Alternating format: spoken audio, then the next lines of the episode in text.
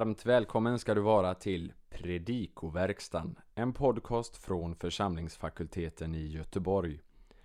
Daniel Johansson går igenom evangelietexten för söndagen efter alla helgons dag eller alla själars dag. Till hjälp för dig som förbereder en predikan inför denna helgdag eller för dig som är intresserad av att veta mer om evangelietexten. På vår hemsida www.ffg.se finns alla genomgångar för alla tre årgångarna i evangelieboken men också andra resurser som kan vara till inspiration och fördjupning och som har gjorts tillgängliga för alla. Där kan du också hitta information om hur du kan stödja fakultetens arbete för akademi och församling, bland annat som genom den här podcasten. Och vi vill än en gång påminna om fakultetens dag den 13 november.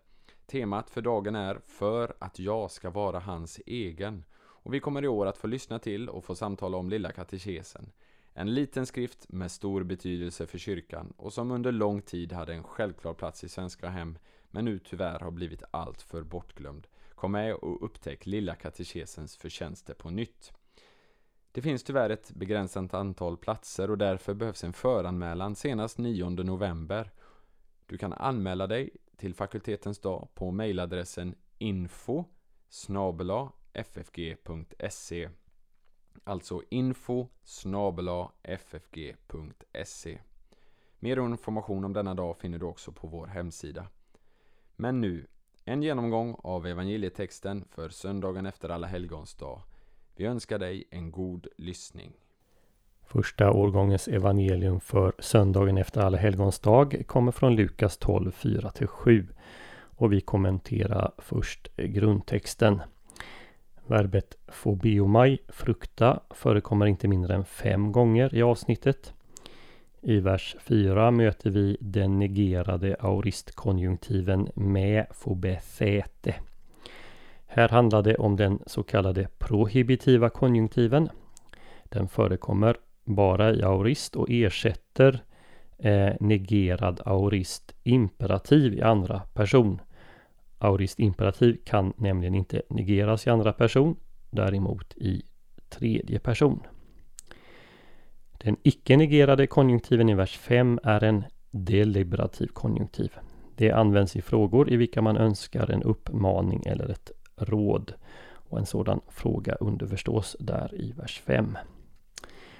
De eh, två följande fobethete som stavas likadant som auristkonjunktiven i andra person pluralis men har accenten på den andra stavelsen är aurist imperativ. Och det sista exemplet eh, med fobeiste är en negerad presens imperativ.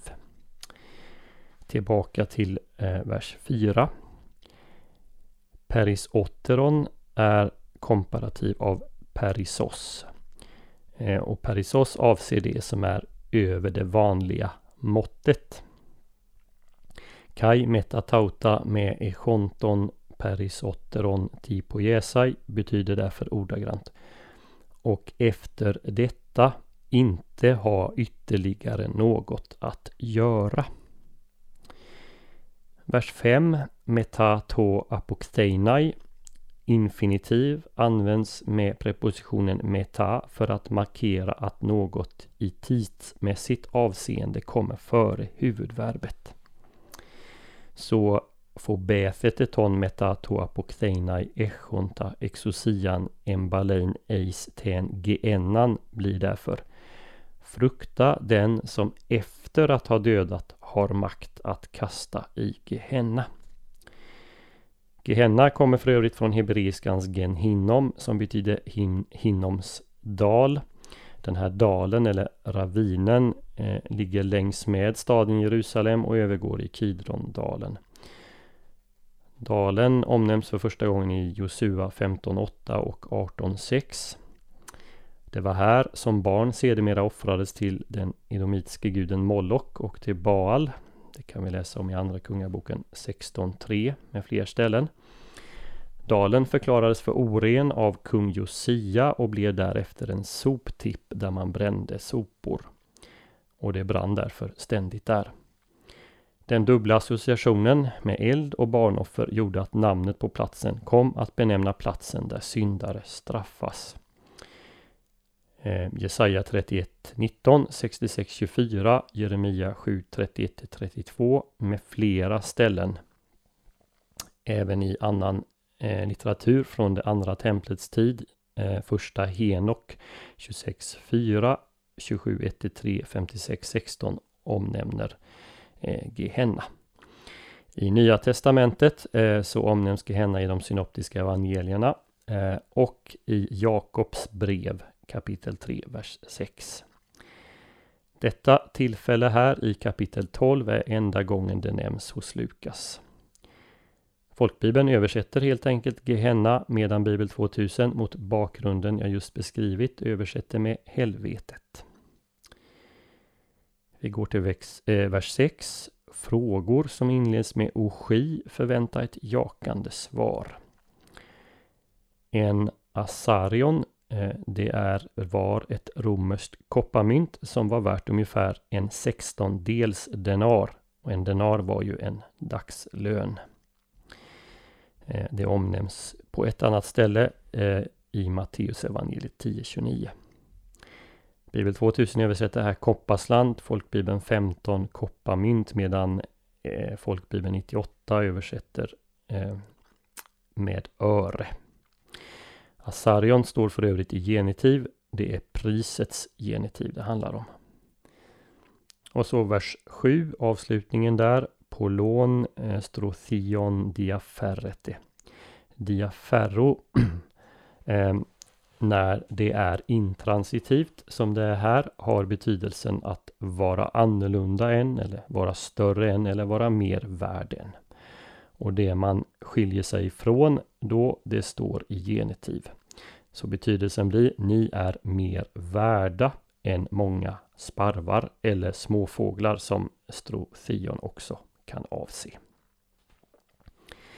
Evangelieläsningen är från ett av Jesu längre tal i Lukas evangeliet. Det här talet sträcker sig från 12.1 till 13.8 och riktas först till lärjungarna och därefter till folkskarorna. Vårt avsnitt börjar med formen Men jag säger er en fras som sen återkommer i vers 8 och som påbörjar ett nytt kortare avsnitt. Temat för våra fyra verser är kallelsen att frukta Gud och inte människor eller något annat. Vi skulle kunna göra följande indelning av de fyra verserna. Första delen, frukta Gud som kan kasta dig i Gehenna verserna 4 till 5. Och så den andra delen, frukta inte för Gud har omsorg om dig, verserna 6 till 7. Som vi redan noterat möter verbet fobiomai inte mindre än fem gånger.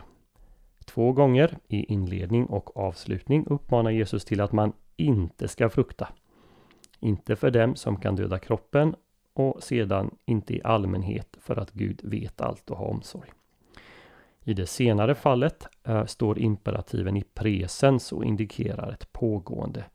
Det vill säga den här icke-fruktan handlar om en grundläggande attityd. I kontrast till de här två ställena finns så en trefaldig varning att man ska frukta den som har makt att kasta någon i Gehenna, det vill säga Gud. Det föreligger därmed en spänning mellan att inte vara rädd och att vara rädd eller frukta och inte frukta. Här finns en riklig gammaltestamentlig bakgrund som talar både om att frukta Gud och att inte frukta. Och jag har listat en del av de här ställena i pdfen till den här podden. Lösningen av den här som det tycks eh, motsägelsen den ligger i att man ska frukta den som ensam kontrollerar människors öden efter döden. Men lärjungen som gör det behöver inte bekymra sig för hur Gud ska ta hand om honom eller henne. Här kan jag för övrigt nämna att just detta tema gudsfruktan är ämnet för ett föredrag på fakultetens dag eh, den 13 november. Vers 4 ehm, är enda tillfället lärjungarna adresseras som Jesu vänner i evangelium eh, i evangelierna med undantaget och det mer kända stället Johannes 15, 14-15. Lukas använder begreppet vänner några gånger. Människosonen beskrivs som en vän till syndare i 7.34. Jesus berättar en liknelse om en som har en vän i 11.58.